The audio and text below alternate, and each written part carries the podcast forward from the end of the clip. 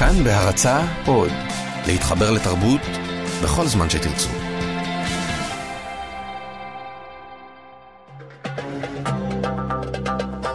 גם כן תרבות. עם גואל פינטו.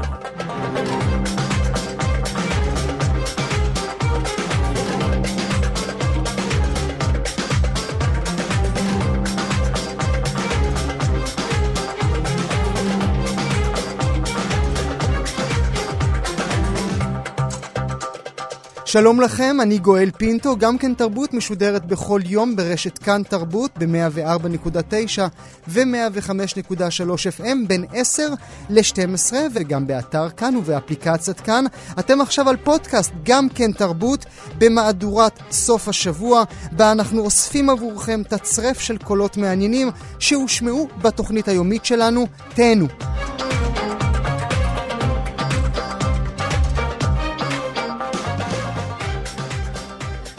ואנחנו מתחילים מיד עם הנושא הראשון שלנו, אה, וזה כמובן פרשת התאבדותו של האומן והמורה בועז אה, ארד, לצד אה, חשיפת מקרים נוספים של יחסים אסורים והטרדות בין מורים לתלמידים בבית הספר לאומנויות תלמה ילין, אנחנו מגלים שיש הולכת להיות בדיקה, בדיקה מקיפה שעליה החליט שר החינוך, שתחל כבר הבוקר. שלום ובוקר טוב למנכ"ל משרד החינוך שמואל אבואב.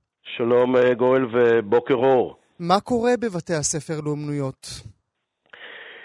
לאור uh, התלונות שהגיעו, אנחנו הקמנו על פי הנחיית השר צוות בדיקה שכבר uh, מתכנס uh, בזמן, ה... בעוד, uh, בשעות הצהריים, והצוות כולל קודם כל אנשי מקצוע, גם פסיכולוגים וגם uh, ייעוץ משפטי, והם צריכים לעסוק בשלושה דברים uh, מרכזיים. האחד זה לבדוק את התלונות ולהפריד בין שמועות לבין תלונות. ולבחון אה, מה אנחנו עושים עם אותם דברים שעלו. הדבר השני זה להתייצב אה, לצד בית הספר, לסייע גם למשה פילוסוף המנהל, גם להורים, גם לצוות המורים, גם לתלמידים.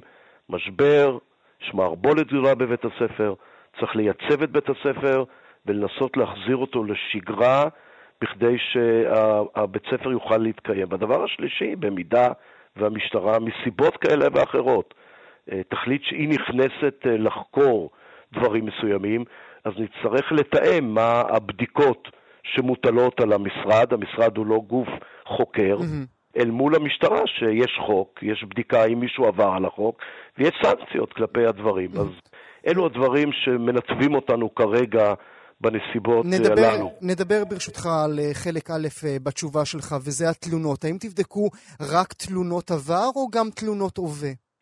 אנחנו מטפלים בכל תלונה שתהיה. אין פה, אין לנו שום אה, לגיטימציה, ואנחנו לא בני חורין אה, לסנן אילו תלונות אה, שייכות לתחנת זמן כזו או אחרת. כל מה שעולה מחויב מבחינתנו להיבדק ולכוון את זה לגופים שאמונים על תחום הבדיקה הזו. עכשיו, כמי, ש... כמי שאמון על הילדים האלה, אתה באמת חושב שילד, ילדה, בני 15-16 יעמדו אה, בקושי הכה רב הזה, שאנחנו יכולים רק לדמיין עד כמה הוא קשה, בשביל להעיד על דבר כזה? תראה, גואל, הילדים הם אה, לא לבדם.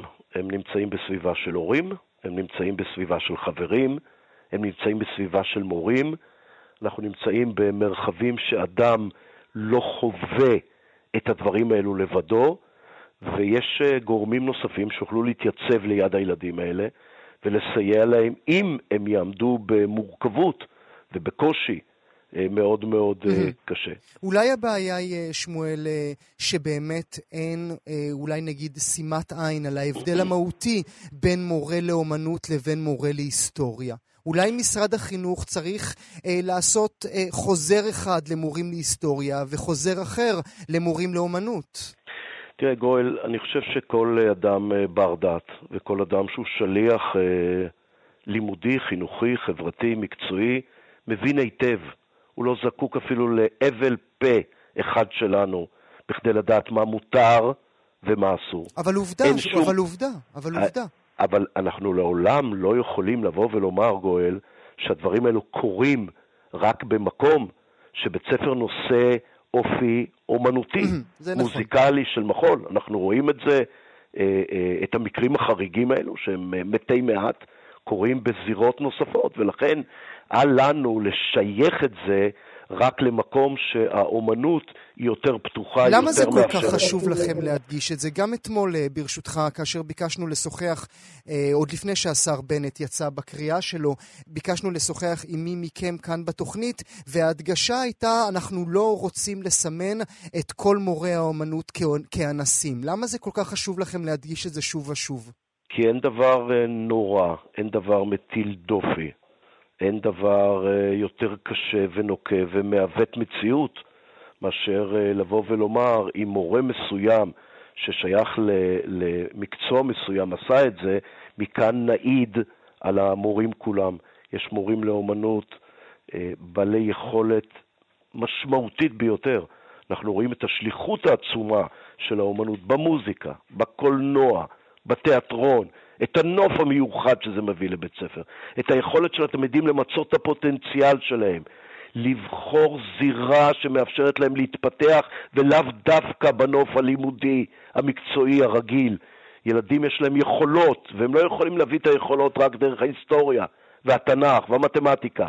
הם, הם, הם מוכשרים מאוד במוזיקה, ויש להם יכולת לבוא לידי ביטוי במקצועות אה, אה, האומנות. זה הכל והת- נפלא, ובוודאי שזה, ה- שזה ה- המהות של אפילו התוכנית שאתה מתראיין לה עכשיו, אבל אולי באמת ילד בן 16 או ילדה בת 16 לא צריכים להיות אה, בין כותלי בית הספר בשעה שמונה בערב עם המנצח הגדול שכולם מהללים.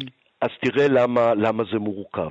הדינמיקה של האומנות, של החזרות, של ההתכוננות לאירועים, של הצורך לשלב רב-תחומיות, גם מוזיקה וגם אומנות פלסטית וגם תנועה וגם שירה, זה לא יכול להסתפק רק בשעות שיש בבית הספר, וזה כרוך ב- ב- ברצון ובמוטיבציה של הילדים גם להפוך את זה לתרבות שעות הפנאי שלהם, ולצקת תוכן לחינוך הבלתי פורמלי שלהם. אבל זה פתח אבל לצרות.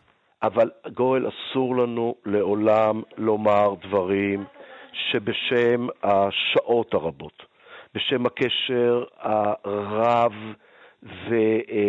והאינטנסיבי שבין המורים שמכינים את הילדים להופעות שלהם לבין התלמידים עצמם, זו האפשרות שזה יגלוש למקומות אסורים. המותר והאסור הוא חד משמעי. הכן והלא הם בהירים וברורים. שמואל, שמואל יל. ילדה בת 16 לא יודעת להגיד לא אולי.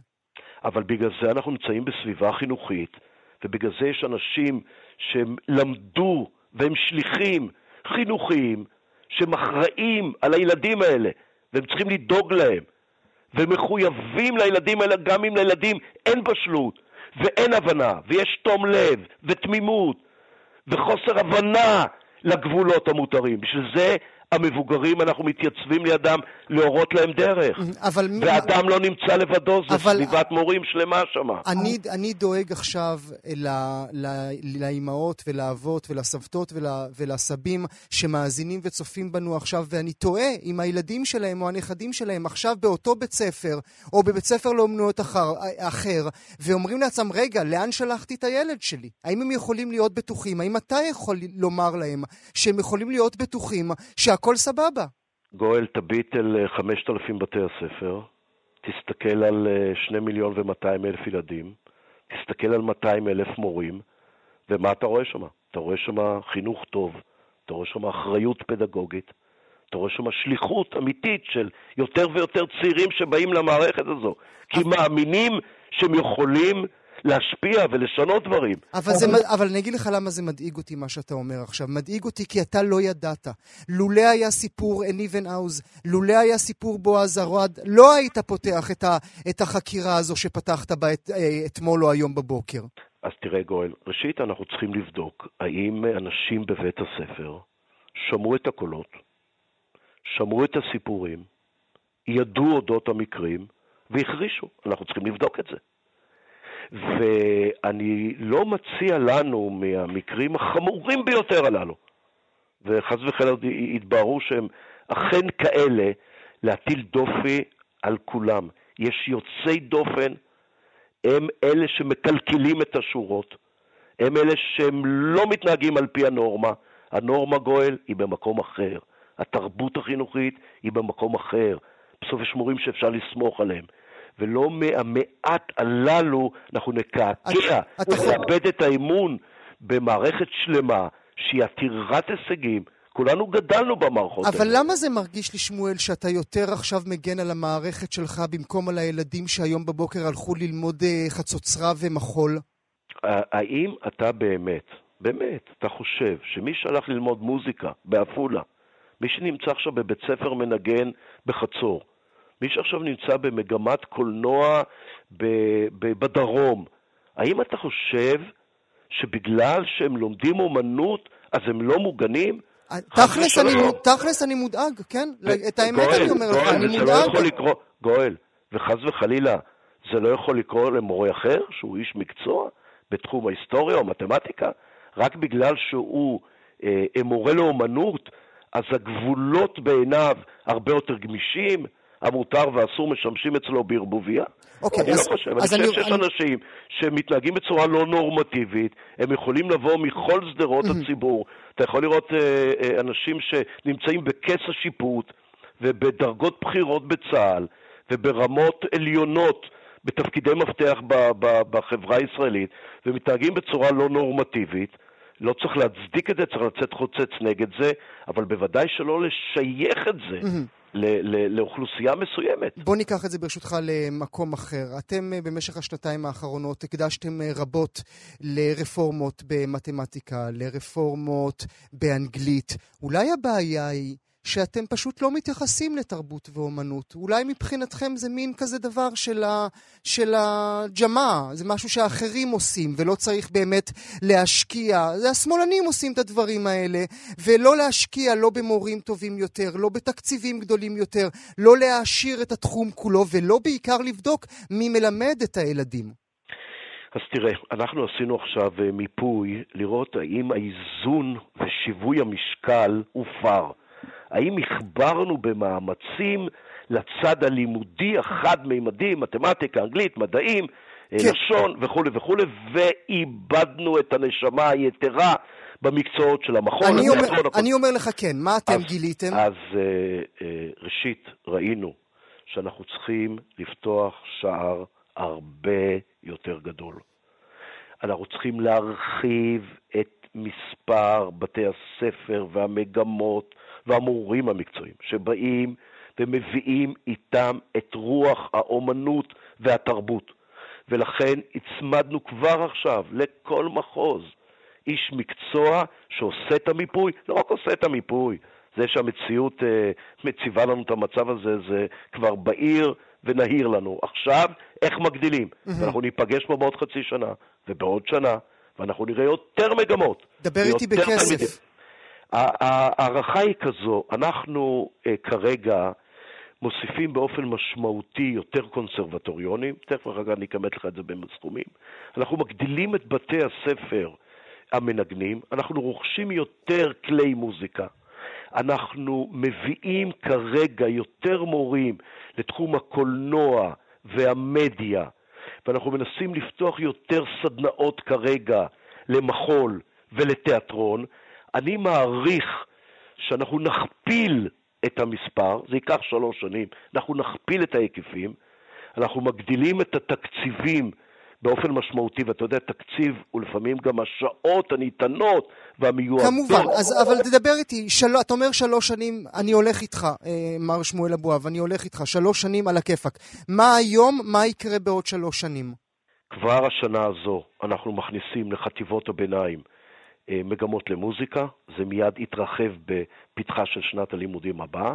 אנחנו מוסיפים כבר עכשיו, בשנה הזו, וביתר שאת בשנה הבאה, מגמות ל- ל- לקולנוע ומחול ותיאטרון בבתי הספר היסודיים.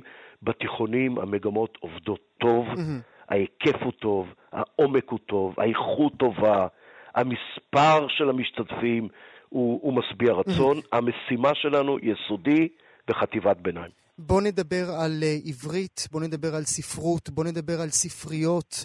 אתה ביקרת בספריות בבתי הספר בוודאי. בשנה האחרונה? אתה יודע כמה המצב גרוע? בוודאי. ראשית נתחיל בשפה. היום האויב של התלמידים זו השפה. למה?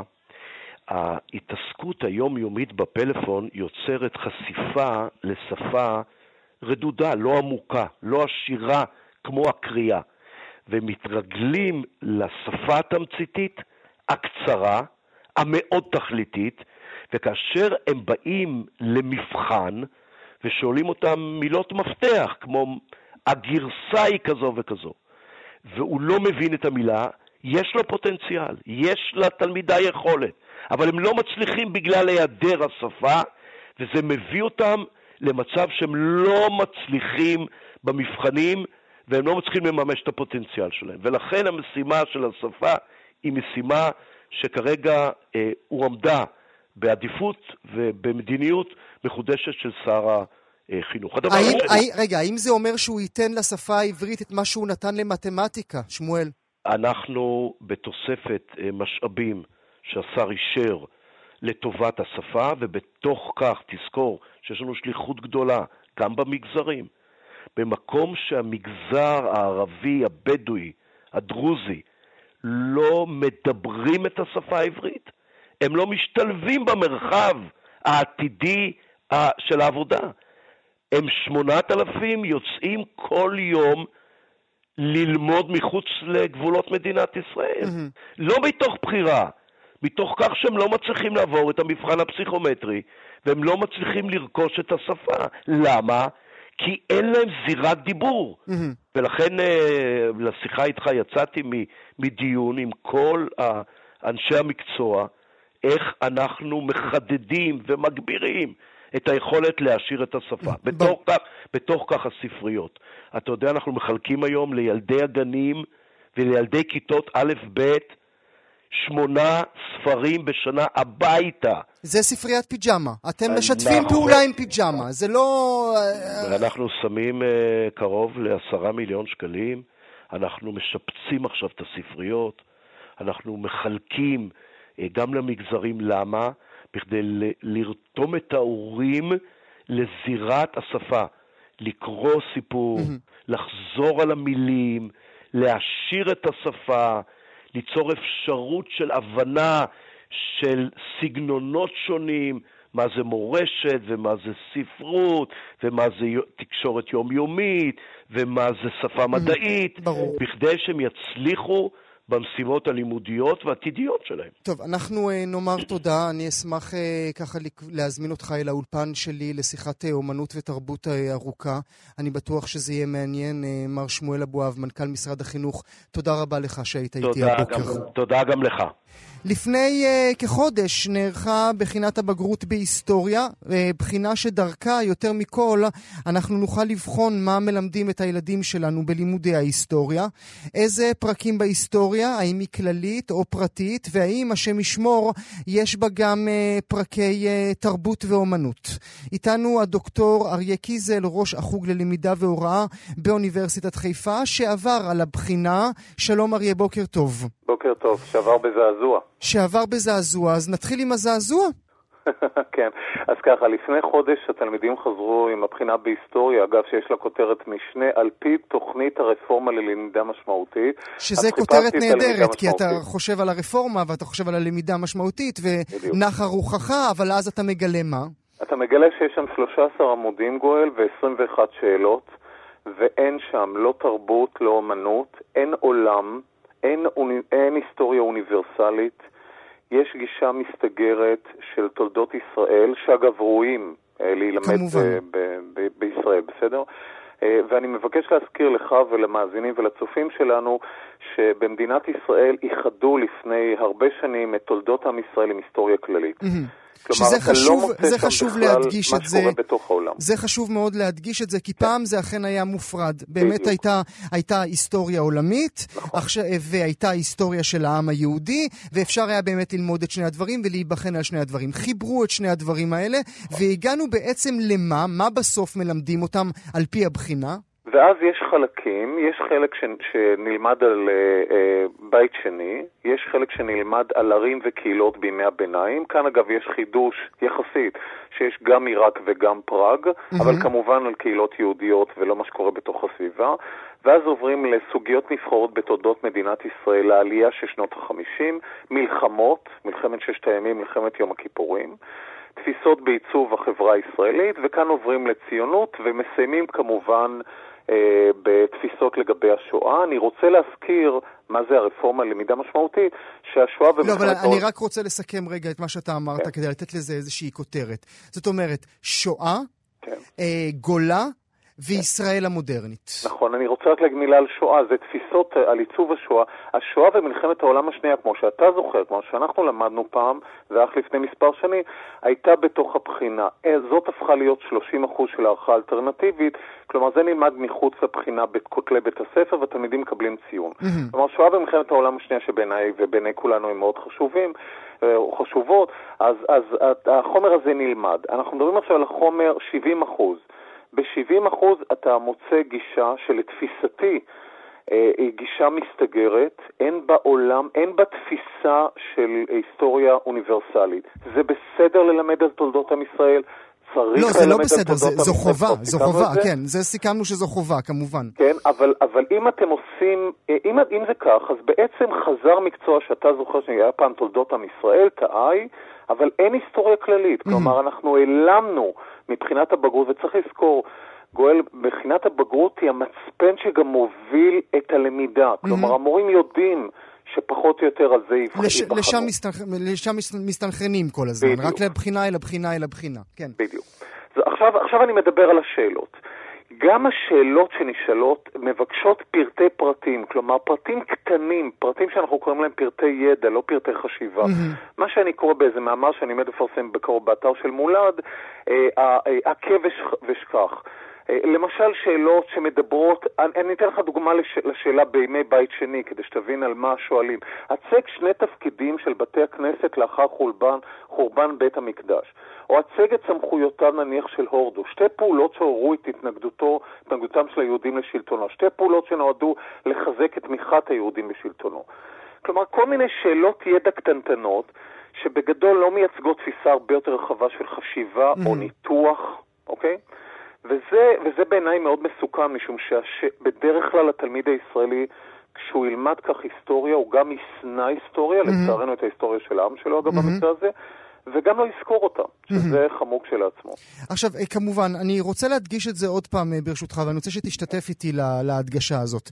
הדברים האלה חשובים, שנינו מסכימים על זה. הם, הם חשובים לגמרי וצריך ללמוד אותם, בוודאי את ההיסטוריה של העם היהודי, בוודאי את, אה, את השואה ומה שקרה לנו שם, ובוודאי גם את ישראל המודרנית. אבל אני מבין ממך שאין שם, מעבר לעובדה שלימודי השואה הם חובה, אבל אין שום איזשהו רעיון נשגב, איזה משהו שהפך את ההיסטוריה שלנו. שלנו למה שהיא. נכון. התפיסה, ש... אם, אם אתה מנתח את התפיסה, הבחינה היא מה שנקרא נרטיב העל של המערכת. לצערנו, בגלל שאנחנו לומדים לבחינת הבגרות, הבחינה היא לא עוד מרכיב בהערכה, אלא היא מה שנקרא השיא של הלמידה. אז לפי זה העולם היה בו כל הזמן מלחמות וקרבות ופוגרומים ועימותים כמובן בין יהודים למוסלמים או בין יהודים לנוצרים באירופה. יש בו גם במזרח התיכון כל הזמן מלחמות. אנחנו נעים, התלמידים בישראל נעים כמו ההורים, ההורים שלהם בין מלחמות, או אם. תרצה היום בין אינתיפאדות. עכשיו, בין, בין המלחמות ובין הקברניטים היו גם אנשים, היו גם תנועות, היו גם רעיונות.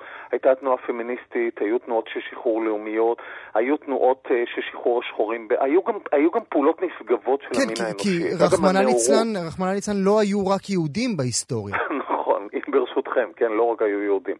אבל גם מעבר לזה, גם היהודים שהיו, גם הם עשו דברים יותר מאשר להגיב באופן ריאקטיבי למה שנניח בגדול הגויים עשו להם בארצות ערב ובארצות אירופה. Mm-hmm. זה בסדר, אבל היו עוד כמה דברים. יהודים עשו גם דברים יפים בכל מיני מקומות בעולם, וזה גם חלק מההיסטוריה. כלומר, עכשיו, אמורלי... בגדול יש לך תפיסה של היסטוריה פוליטית וצבאית של קברניטים או פרעות או שחיטות או שואות, בסדר?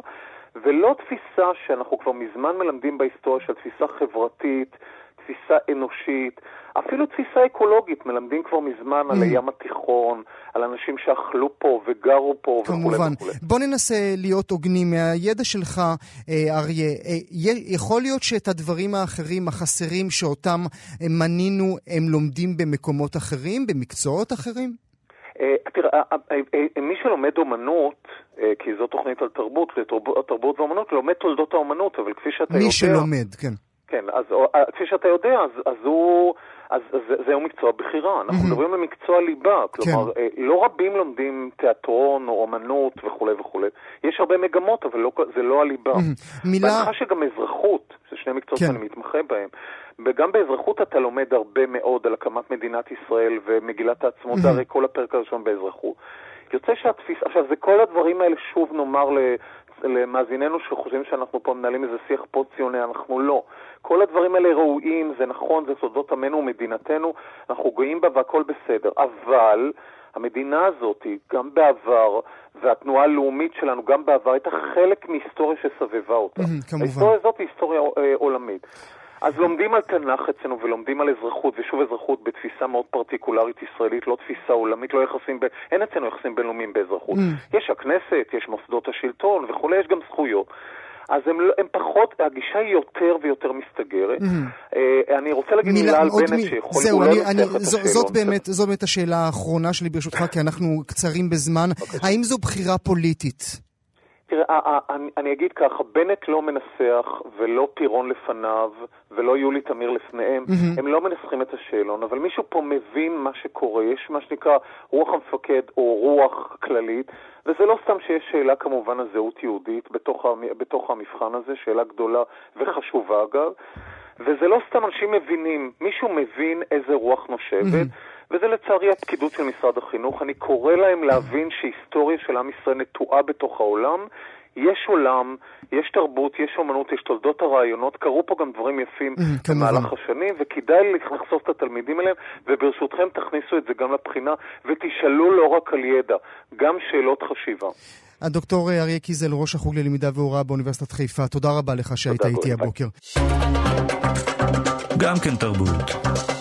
דון, אה, דון ג'ובאני, האופרה האהובה של מוצרט, תעלה על בימת האופרה הישראלית בסוף השבוע הקרוב. זו הפקה משותפת לאופרה הישראלית ולאופרה המלכותית הקובן גארדן בלונדון. על האופרה ינצח דניאל אורן, אה, שניצח בקביעות בארצות הברית ובאירופה. הוא גם כיהן כמנהל מוסיקלי ומנהל אומנותי במספר אה, בתי אופרה. כיום הוא המנהל האומנותי של בית האופרה בסלרנו איטליה, ומנצח באופן קבוע בכל בתי האופרה המובילים בעולם, כולל האופרה המלכותית קובן גארדן בלונדון, המטרופוליטן אופרה בניו יורק ובתי אופרה רבים אחרים. באופרה הישראלית הוא ניצח אה, נגיד אה, מנבוקו ב-94 ועד מדאם בטרפליי ב-2017 ועכשיו כאמור דון ג'ובאני, הוא נמצא איתנו. שלום מאסטרו. אה, שלום לך, מה שלומך? בוקר טוב. תודה רבה שאתה איתנו. מהו בשבילך דון ג'ובאני? Uh, טוב, דון ג'ובאני זה מפגן גאונות של צמד מחברים. זה בעצם מוצרט במוזיקה ודל פונטה במילים, בליברטו. אני חושב שזה אירוע חד פעמי בתולדות התרבות, הקומבינציה ביניהם. הם עשו שלישייה כזאת, נכון? אם אני זוכר את ההיסטוריה שלי נכון. בדיוק, בדיוק, בדיוק. זה מתבסס, כמו שכולם יודעים, על אגדת אה, דון חואן. ו... האופרה שייכת לז'אנר של, uh, באיטלקית אנחנו אומרים אופרה ג'וקוזה, דרמה ג'וקוזה, דרמה ג'וקוזה, זאת אומרת דרמה מבודחת. Mm. העלילה הדרמטית מוצגת על ידי תמונות קומיות. ואני חושב שהאגדה מציגה אותו בתור, אה, בתור אה, הולל, חסר מוסר, מפתה, אונס, מין כזה מיטו של היום. גם אה, שרלטן לא קטן. שרלטן לא קטן, אה, בוא נאמר שזה הוויינשטיין שלה, אז אני סתם צוחק, אבל אה, זה, זה פשוט, אתה לא יכול לא לקשר את זה גם ל, ל, ל, ל, לסיפור הזה של התאוות בשרים, של הנבל, של, של חוסר רגישות שפוגע בזולת, זה כל מה שאתה שונא, זה הנבל שאתה שונא. ואנשים, ש... ואנשים שסביבו הם חלשות לגמרי. חלשות לגמרי, כן, כן, אין ספק. למרות שמבחינה שירתית הן בכלל לא חלשות, בגלל זה את התפקידים הכי קשים, זה הוא נתן לנשים. בייחוד לשתי הנשים, אלווירה ואנה. אבל מה שרציתי להוסיף על הדבר הראשון שאמרתי הוא שבהגדה הספרדית זה ככה, אבל אה, אני חושב שמוצרט הגאון, הוא שינה את הכל. ביחד עם דל פונטה, אבל הוא שינה את הכל. זאת אומרת, אה, אדון ג'ובאני שלו זה דמות... אה, מקבלת עמדה מוסרית מבחינה מסוימת. ככל שהעלילה מתקדמת, מה שנראה לנו ממבט ראשון בצורה מסוימת, כמו שאמרתי מקודם, שהוא חסר מוסר והולל ונבל וכולי, והיחסים שלו, מערכת היחסים שלו היא מאוד מורכבת והיא יותר מאשר היחסים של, של, יחסים של ניצול חד צדדיים. Mm-hmm. אני חושב שהוא, זה דמות מאוד מאוד גדולה, שמוצרט, הגאון, בעצם שינה את זה מה, מהאגדה הספניולית ביחד עם דל פונטה. הוא קורא תגר על המוסר המקובל של...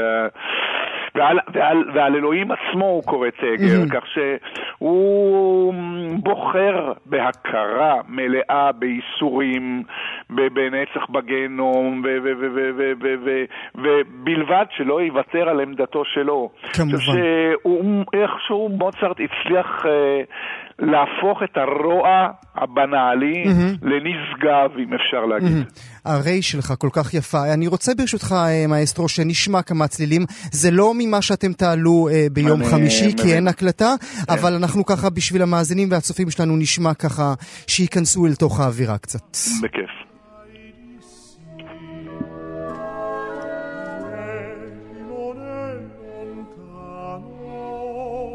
partiamo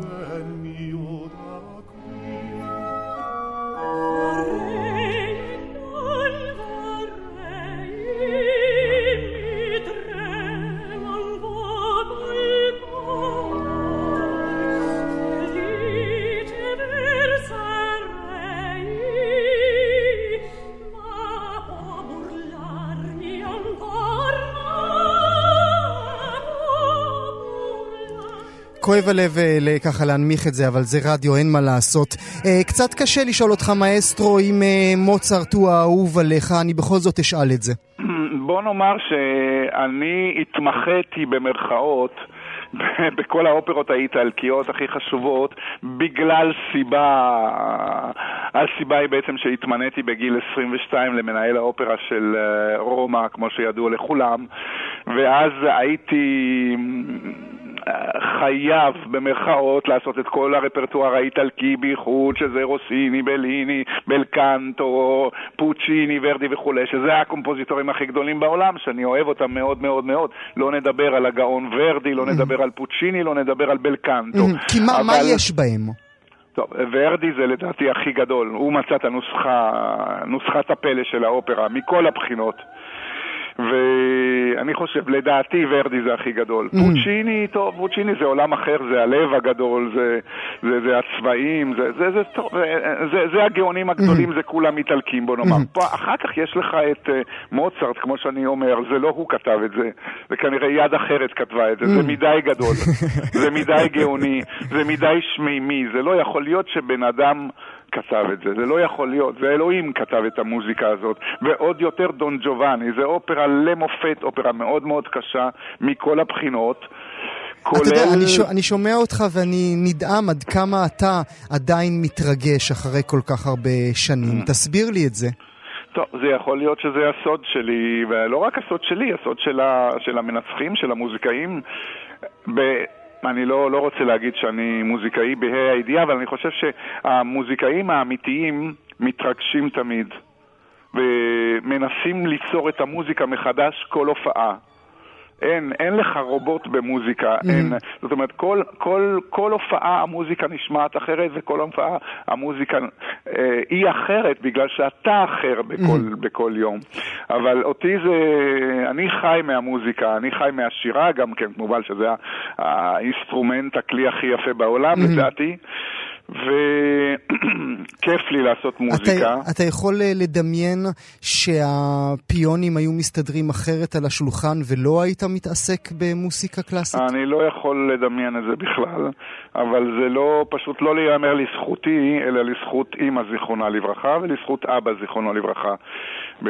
בייחוד אימא ש, שהבינה שזאת הדרך שלי. אימא הייתה פסיכולוגית גדולה ופילוסופית גדולה, והיא למדה אותי במשך 12-13 שנה, mm-hmm. ונתנה לי את הכל, זאת אומרת, את כל האפשרויות, למרות שכסף לא היה בבית, ללמוד פסנתר, קומפוזיציה, סולפייג', קינור, צ'לו וכולי וכולי וכולי, ואז בגיל 13 היא המחליטה.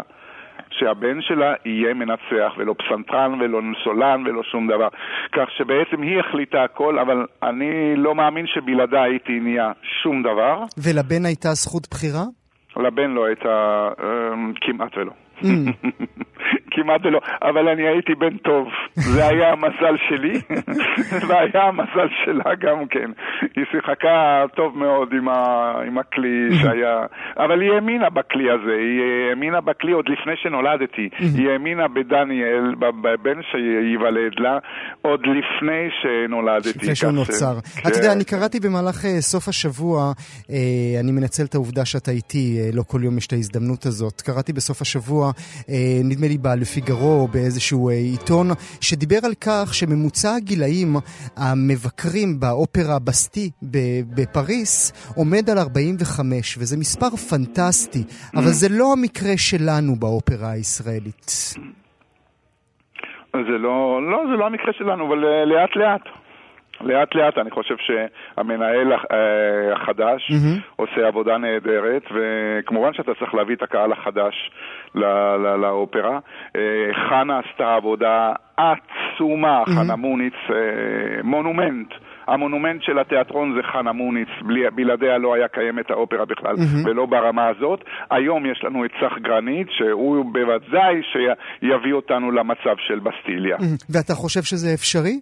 בוודאי שזה אפשרי. Mm-hmm. למה? אין קהל נהדר, זה לא קל. אין ספר שזה לא קל בשום מקום בעולם, כי אין לנו עזרה משום מקום. Mm-hmm. לא מטעם הבתי ספר, לא מטעם הטלוויזיה, כמעט לא מטעם הרדיו, mm-hmm. לא מטעם המשפחה אפילו. אין לך עזרה, אתה חייב לעשות. הילדים לא יודעים, לא רוצים לשמוע, לא אופרה ולא מוזיקה רצינית ולא מוזיקה קלאסית ושום דבר. אה, קשה, קשה מאוד להביא, וגם כמובן המחירים נורא נורא גבוהים. אני מאמין שהמנהל החדש הוא נפלא, הוא יעשה עבודה ענקית בתיאטרון, ואתם תראו לאיפה הוא יגיע. גם הוא יגיע לגיל 45, 40 ו-30. הלוואי, הלוואי. אה, עוד נושא, נושא נוסף ברשותך, דניאל. אה, אני מניח שאתה בשבוע האחרון שמעת את מה שכולנו שמענו על אה, מה שמתחולל בבית הספר למוסיקה, תלמה ילין. איום ונורא, איום ונורא. אני קורא את זה בעיתונים, אני מזדעזע. אני לא, לא, לא, לא, מתחלחל, מתחלחל. לא חלמתי ולא בחלומות... הגרועים ביותר שלי על תלמה ילין, שכל יום יוצא לך מורה אחר שפגע ב, ב, ב, בנפשות ובגוף של, ה, של, של הילדות האלה. זה, ב, זה לא יאומן, בלתי יאומן, איך זה יכול להיות כזה דבר? זה לא יכול להיות. ועוד אצלנו בארץ, איך זה יכול להיות? אבל זה הפתיע אותך? הפתיע אותי מאוד מאוד מאוד. למרות לא, לא, שאתה לא, מסתובב בעולם הזה לא כל צ... כך עשרות שנים ואתה יודע מה קורה? אני יודע בדיוק מה קורה, ואני יודע מה קורה ב- ב- ב- במגזר של האופרה, וכמובן שאנשים שיש להם כוח מנצלים את הכוח שלהם, ומנצחים שיש להם כוח מנצחים את הכוח על, על מי? על הזמרים, אז הזמרות, זה תלוי.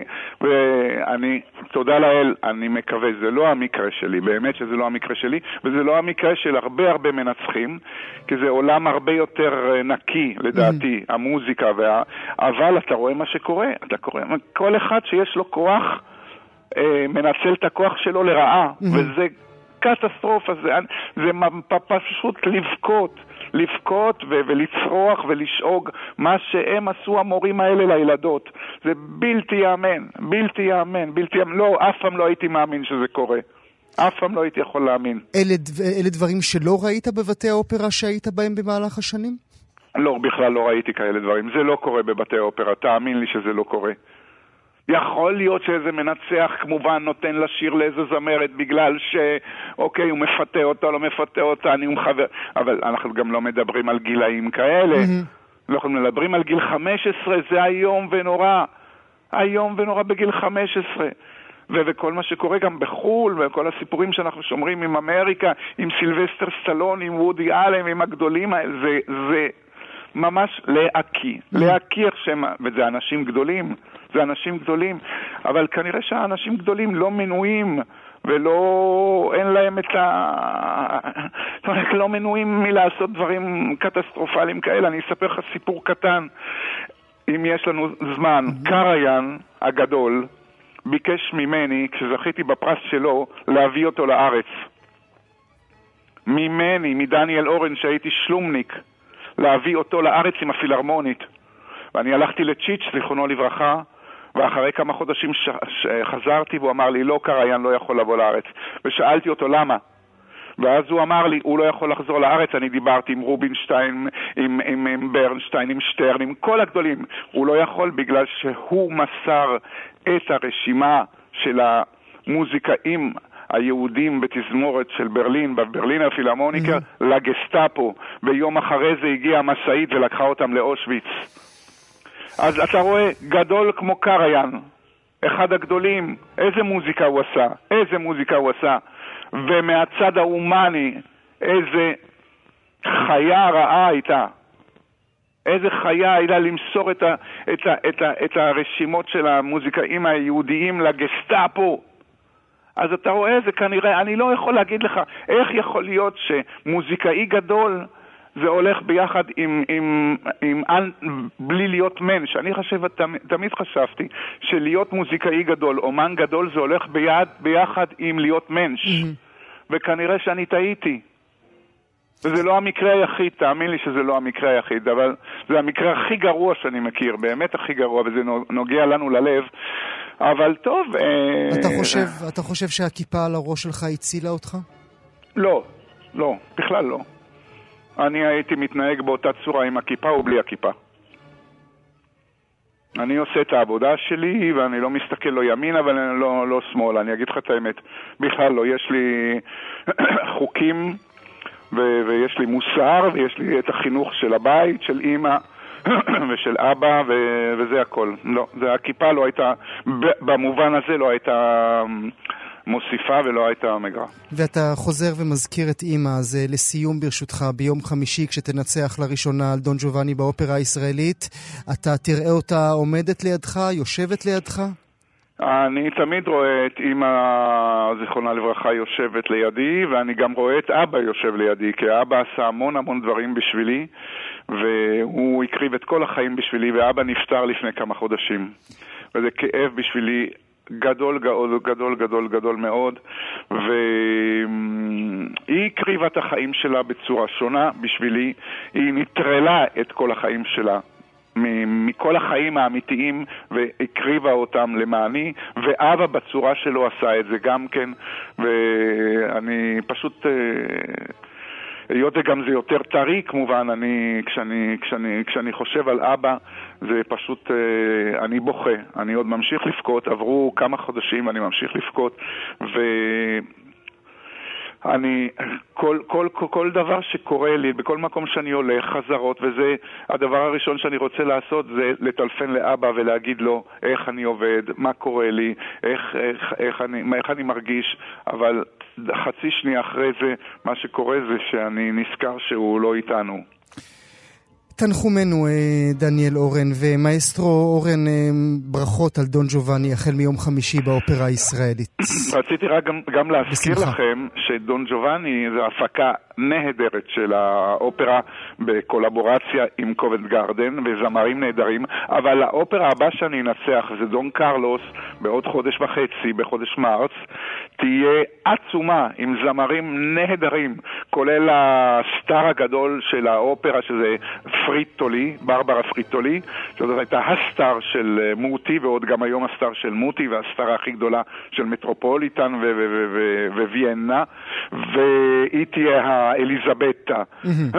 בדון קרלוס יש לנו cast נהדר, וזו אחת האופרות היפות ביותר של דון קרלוס, שאנחנו נעשה בארבע מערכות. אז אה, אנחנו, בחודש מרס. אנחנו כמובן נחכה לזה. מאסטרו דניאל אורן, תודה רבה תודה לך רבה לך. שהיית איתי הבוקר. תודה רבה. לכולכם. נעבור uh, לנושא הבא שלנו. אתם uh, בוודאי מכירים את ספריו של יורם קניוק, בין אם זה תש"ח, אדם בן כלב, או חימו, מלך ירושלים. עכשיו, חמש שנים לאחר מותו, ספר חדש פרי עטו, סבון שמו, רואה אור. אני מציג את הספר עבור uh, צופי uh, כאן 11. Uh, איתנו הפרופסור עדיה מנדלסון מעוז, שחוקרת שנים את יצירתו של קניוק, והיא זו שמצאה את כתב היד הזה. שלום לך, עדיה. שלום. תשמעי, אה, זה, זו מציאה של ממש. קחי אותנו אל הרגע שבו את אה, פותחת קופסה ואת מגלה כתב יד שלא ידעת על קיומו. אה, זה לא כל כך פשוט, לא פותחים קופסה אחת, מגלים כתב יד שלם ומעבירים אותו להדפסה. אה, במסגרת העבודה שלי אה, הגעתי לבית, אה, פגשתי את מירנדה ואיה ונעמי המקסימות ששיתפו פעולה והראו לי חומרים שהוא השאיר אחריו. מדובר על ארגזים, ארגזים רבים בארונות ועל רצפת החדר. וזה היה, ושם- זה היה מיד עם מותו, או שלקח זמן עד אשר היה הוכנס ש- לשם? בערך שנה אחרי שהוא נפטר. אוקיי. אה, והארגזים האלה מלאים דפים לא מסודרים. אה, אפשר לזהות, התחלתי לעבור עליהם, זיהיתי טיוטות של יצירות שאנחנו מכירים, אה, פרגמנטים מאדם בן כלב, טיוטה כמעט מלאה של סוס עץ, סיפורים קצרים, קטעי טקסטים, חלק באנגלית עוד מהתקופה שהוא גר בניו יורק וחלק ב- בעברית. אה, והיו הרבה עמודים שלא יכולתי לחבר ליצירה מוכרת. ואז נתקלתי לא, בעמוד... מ- לא מסודרים? עמוד פה ועמוד שם? לא מסודרים, לפעמים בהקבצים, מהמם. אבל uh, בוודאי לא, לא מסודר. ואז נתקלתי בעמוד אחד שהיה כתוב עליו סבון, רומן בשני חלקים, והיה כתוב את התאריכים, 1900, ניו יורק 1959 עד 1964, ואז הבנתי שמדובר כאן במשהו אחר, מהמם. משהו שאני לא מכירה, שאנחנו לא מכירים. אה, והתחלתי בעצם להרכיב את הפאזל, מצאתי גרסה באנגלית, מצאתי חלק מגרסה מוקדמת, שהוא כתב עוד בניו יורק, ובעברית שתי גרסאות, כל אחת בערך 200 עמודים, מהמם. אה, ואז אה, ניגשתי למלאכת הבנייה של, ה, של הרומן. זאת, כשאת אומרת מלאכת הבנייה, ודיברת קודם על פאזל, על תצרף, אה, אני שוב חוזר, זה, היו, היו דפים שהיו בהקבצים, אבל היו כאלה שהיו בודדים, ואת היית צריכה ליצור תמונה מלאה יותר. נכון, נכון. אז אה, איך בונים את זה? קודם כל אה, מנסים אה, להשיג את כל העמודים שיש לי ב- ששייכים לכתב יד הזה, מהמם. זאת אומרת, לחשוב ולהסתכל על השמות של הדמויות ולראות אם הם חוזרים, אני מוצאת אותם גם בדפים אחרים. הפונט של הטוש בדרך כלל זה מכונת כתיבה, ולפעמים הערות על המכונת כתיבה ועוד עמוד או שניים בכתב יד, אבל אה, העמודים בדרך כלל נכתבו בטוש אחר. אז מסתכלים על הפון של ה... של ה באיזה צורה הוא כתב את העמוד, ואז בקיצור מנסים לבנות אה, ולאסוף את כל העמודים האלה. אה, בסופו של דבר, כפי שאמרתי, היו שתי גרסאות גדולות של. בסביבות 200 עמודים, איתן עבדתי, כאשר זיהיתי את הגרסה המאוחרת, והחלטתי להתבסס עליה כשאפשר, וכאשר, היה חס... וכאשר היו חסרים דברים, הלכתי לגרסאות אה, מוקדמות. נלך רגע ברשותך צעד אחד אחורה. כמי שחוקרת את אה, יצירתו של קניוק, זיכרונו לברכה, אה, מה, הלסת נשמטת? אה, את, את, אה, את מתרגשת מאוד כשאת מגלה יצירה כזאת? אמ, אני לא בן אדם שמתייחס למחקר שלי בצורה מאוד אמוציונלית. בדרך כלל, אה, ואני חושבת שזה יותר מאשר התרגשות, קודם כל זה עניין מאוד גדול וניסיון להבין מה יש כאן. אני צריכה, לה, צריכה להגיד שיש עוד טקסטים רבים שמצאתי, גם חלקים של כנראה רומנים אחרים שהוא ניסה לכתוב, והחומרים היו מעטים מהמם. ולא הצטרפו לכדי משהו... לכדי יצירה שלמה. כן. כך שאני חושבת שזה לא ברגע אחד מבינים מה קרה. מהמם. זאת אומרת, צריך לראות קודם כל את ה... האם יש... האם אפשר להרכיב משהו שלם? מהמם. האם יש לנו, אתה אתה יודע, משהו, ו- ודבר שני, האם יש משהו בעל משמעות. ובמקרה הזה באמת זה היה משהו שלם, והיה משהו שיש לו, אה, לדעתי, משמעות. משמעות מאוד גדולה. מדוע הוא גנז אותו, עדיה?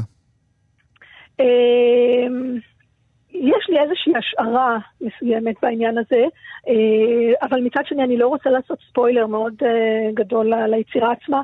בכמה מילים בכל זאת. ברומן הזה מופיעה דמות שאחר כך...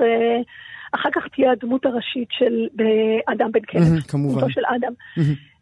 ברומן הזה מופיעה דמות שהיא בעצם גרסה מאוד ראשונית. של הדמות המאוד מרתקת של אדם בן כלב, ואני חושבת שהוא פשוט התפתה ללכת ולכתוב על הדמות הזאת. ש... אז, אז אפשר לומר שסבון הוא טיוטה לאדם בן כלב?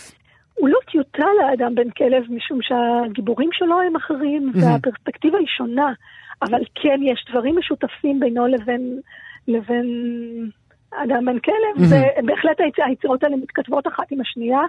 ומי שמכיר היטב את אדם בן כלב יכול לראות מין איזשהו מבט אחר על חלק מהדברים ש, ש, שיש שם. ואי אפשר שלא להתייחס אל השאלה, אולי אומר מוסרית, אולי אה, נבחר מילה אחרת יחד, אה, וזה באמת השאלה, אם אומן, אם סופר רוצה לגנוז את כתביו, איך יש לנו הזכות להוציא אותם לאור?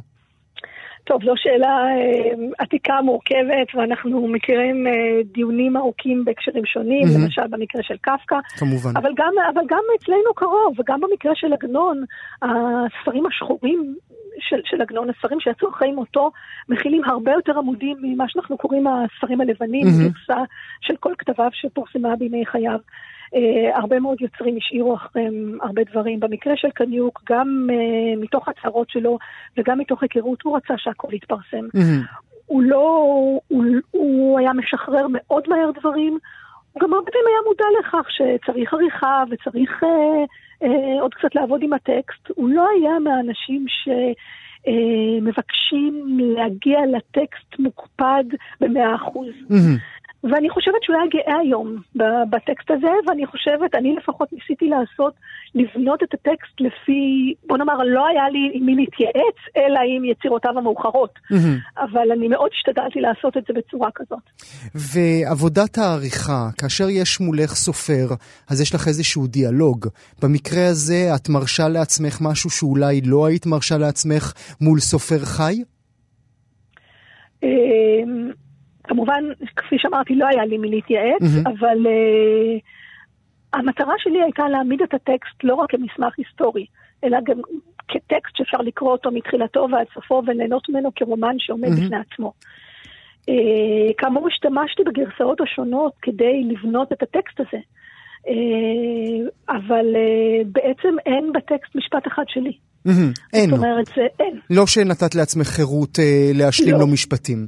לא, אבל בהחלט יש מה שאנחנו קוראים copy ו-paste, זאת אומרת, יש העברות של דברים, אה, לקחתי דברים מגרסאות מוקדמות, אה, אני גם מתארת חלק מה, מההחלטות באחרית הדבר, כן, כמובן. אני חושבת שגם הקורא יכול, אחרי שהוא קרא את הספר, להבין חלק מההחלטות שעשיתי. אבל אני בהחלט השתדלתי ללכת uh, בעקבות הטקסט ו, ולממש את הקריאה שהטקסט uh, מבקש ממני. ולסיום, uh, בתוך ההיררכיה של היצירות הגדולות של הסופר הגדול הזה, איפה סבון עומד? קשה לי מאוד לומר, אני חושבת שהיצירות של קניוק נעות בין יצירות שהן נפלאות, חשובות, מרכזיות, לבין יצירות אחרות. אני יכולה לומר שמה שאני אוהבת ביצירה הזאת היא דווקא המינוריות שלה. Mm-hmm. אנחנו מכירים יצירות מאוד מוחצנות, גרוטסקיות, פלסטיות, שכנראה כתב, היצירה הזאת יותר מינורית, ואני מאוד אוהבת את המאופקות שאפשר למצוא בה. Mm-hmm. ואני חושבת שדווקא היום הקורא יכול לראות את המאופקות הזאת בצורה מעניינת, אחרת אולי ממה שהיה אפשר לראות את הטקסט כשהוא, אולי כשהוא נכתב. אפשר לחבר את האיפוק הזה עליו את מדברת לעובדה שזה היה הרומן השני בלבד שהוא כתב, אני... שהוא לא הרשה לעצמו עדיין? אני... בהחלט יכול להיות, בהחלט יכול להיות. מעניין. טוב, אז זה סבון, אה, ספרו החדש, זה מוזר לומר את זה, ובכל זאת, ספרו החדש של אה, יורם קניוק, אה, פרופסור עדיה מנדלסון מעוז, ראשת המחלקה לספרות, ללשון ולאומנויות באוניברסיטה הפתוחה. תודה רבה לך שהיית איתנו הבוקר. תודה לך. בכאן ים הכאן בוחנת נאוה ט' ברזני עדויות ילדים בתקופת השואה בלוב. במרכז הספר מפגשים שערכה המחברת עם המרואיינים. אני מציג את הספר עכשיו עבור אה, צופה כאן 11. Uh, הנה בבקשה, היא נמצאת איתנו הבוקר. שלום נאוה. שלום, גואל, תודה. Uh, קודם כל ברכות על הספר הזה. אה, ספר מעניין עד מאוד וגם חשוב אה, היסטורית, לפחות לשים אותו אה, על השולחן יחד עם הספרים הרבים שמדברים על שואת העם היהודי. מתי היה הרגע שבו החלטת שחשוב לספר את הסיפור הזה? זה היה בשלב של כתיבת MA ראשון במדרשה לאומנות בבית ברל. במפגש עם המנחה שלי, חווה ברונפלדשטיין, ש... אה, התעקשה על כך שאני אתייחס למשהו שממש אה, אני משתוקקת לכתוב עליו אה, משהו שבוער בי, וזה בוער, בוער בי ברגע, מהרגע שבעצם גיליתי את סיפור השואה בכלל ואת הסיפור של אמי. יוליה יעל מסיקה, ניצולת מחנה ג'אדו בלוב. היא נשלחה לג'אדו מתי? בשנת 1942, כשהיא הייתה בת חמש. בת חמש. יחד עם כל משפחתה? כן, במחנה היא איבדה את סבתה ושתיים מאחיותיה. ושם, אה, מתי אימא אה, מספר, את בעצם דור שני, כמו שאנחנו קוראים לזה, מתי בעצם אימא דיברה או סיפרה, או שהיא הייתה, או שהיא הייתה מאלה שלא דיברו ולא סיפרו? אה, בבית כולם היו מודעים לכך, היא... הזכירה אה, בדרך כלל, אה, המשילה דברים, מצבים מסוימים בחיים אה, למחנה ריכוז. אז אה, זה, היה חלק אה, נכבד מהחיים. של כולנו mm-hmm. אה, בבית. אה, תני לי אה, דוגמה. אה, נניח, אה, אה, הרגשתי כמו במחנה ריכוז, משפטים שעד היום היא נוהגת לומר אותם. Mm-hmm. אה, אבל היא גם דיברה באופן ספציפי. מי שלא רצה לשמוע זו בעיקר, זאת אומרת, אני לא מתייחסת לאחים שלי, כי אני באמת לא, לא דיברתי איתם על זה אפילו. Mm-hmm. אני בעיקר לא רציתי לשמוע בשלב מסוים, אני נחשפתי לזה בגיל מאוד מאוד צעיר, אני חושבת כבר מגיל אה, חמש שמעתי סיפור מאוד מאוד קשה. ואני בחרתי להתייחס אל השואה, אני הייתי מאוד מאוד מחוברת לסיפור, אני עדיין אבל הסיפור הכללי, mm-hmm. כולל חלומות אה, שאני מתחבאת מתחת למיטה, הייתי מאוד מאוד מחוברת, mm-hmm. גם בספרות, בקולנוע, אבל לא התייחסתי לזה במימד האישי, וגם בבית הספר מעולם לא... שזו נקודה מאוד מעניינת. אה, גם אה, הוריי, הוריי אה, הגיעו, היגרו לישראל מאלג'יר, וגם לנו, לצערי כן. הרב, יש בני משפחה ש... שמתו בשואה, באושוויץ. כן. ואני חושב שזה, מה שסיפרת עכשיו הוא משהו שמאוד מחבר בינינו. אנחנו מצד אחד מאוד מאוד מחוברים לשואה דרך הספרות וה... הקולנוע, אנחנו מחוברים לדברים האלה. מצד שני, את המימד המשפחתי האישי, בגלל שזה לא היה חלק מהנרטיב הכללי של, יד, של שואת יהדות אירופה, אז את זה אנחנו הנחנו בצד. אז זהו, זה, את זה אני אולי יכולה לנתח ולפתח היום. אני לא זוכרת במבט אה, בעבר שזה מה שהעסיק אותי, ש, שזה שייך למישהו אחר. Mm-hmm. אני תמיד הרגשתי אה, וידעתי בבטחה שאימא שלי היא ניצולת שואה, מעולם לא היו לי ספקות, mm-hmm. אבל אני חושבת ש, שיש, אה, מעבר להיבט הכללי, הקולקטיבי של הכחשה הדרה, יש גם את המקום הפרטי הזה של אה, דור שני שלא תמיד רוצה בשלב מסוים להיות חלק mm-hmm. מזה, כמו שהניצולים עצמם לא רצו להיות חלק חלקם מזה. חלקם לפחות, כן. ו, חלקם, כן, חלקם עד היום שהם מספרים את הסיפורים אולי ממבט מרוחק, זה יותר פשוט, אבל בשנים עברו היה קשה להתבטא. אין mm-hmm. ספק שהסיפור הצפון אפריקאי ו... סיפור, למול הסיפור האירופי הוא לא קיבל חשיפה. ואין ספק שידעו על זה פחות, אבל במקום הפרטי שלי יכול להיות, אני לא יכולה לבחון את זה, אני אפילו לא פתחתי את זה בפני מורה או מורה בשביל לדעת איך הם היו מגיבים. אני כן יכולה להגיד שהבן שלי, אה, שהוא היום בן 18, אה, בכיתה ג' אה, ציין שסבתא שלו היא ניצולת שואה, והמורה שאלה אותו מאיזה מוצא, וכשהוא אמר לוב, היא אמרה לו, בלוב לא הייתה שואה. אז, אז כן, כן קיימים, ו... ו והיא מורה בישראל. כן, היא מורה ממוצא מזרחי. עוד יותר גרוע. זה לא, לא, זהו, זה לא ברמה של הדרה כמו ברמה של בורות לפעמים. וזה בסדר. לא, לא, זה לא בסדר. הזה חשוב, לא, כן. בגלל המקום הזה, אני אומרת, זה בסדר ברמה של אה, להנכיח את הסיפור, להראות אותו ולהציב אותו, לא ברמה של... אה, אה, שאלה או, או אה, מחשבה על כמה אנחנו מודחקים ו...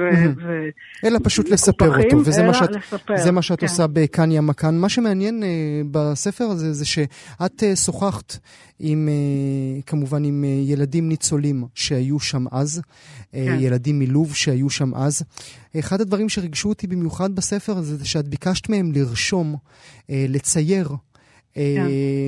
רגעים, זיכרונות, אה, והם לא ציירים, הם לא, לא רשמים, ואתה רואה בספר מין אה, צטלח כאלה, מין פיסות נייר כאלה, שעם עט, בטח הסוג הכי פשוט שיש לכולנו בבית, הם כן. מציירים את הקאפו, הם מציירים את המחנה, איך שהם זוכרים אותו, איך שהם רואים אותו, ובעצם זו הייתה הדרך שלך, נאוה, לעורר את הזיכרונות?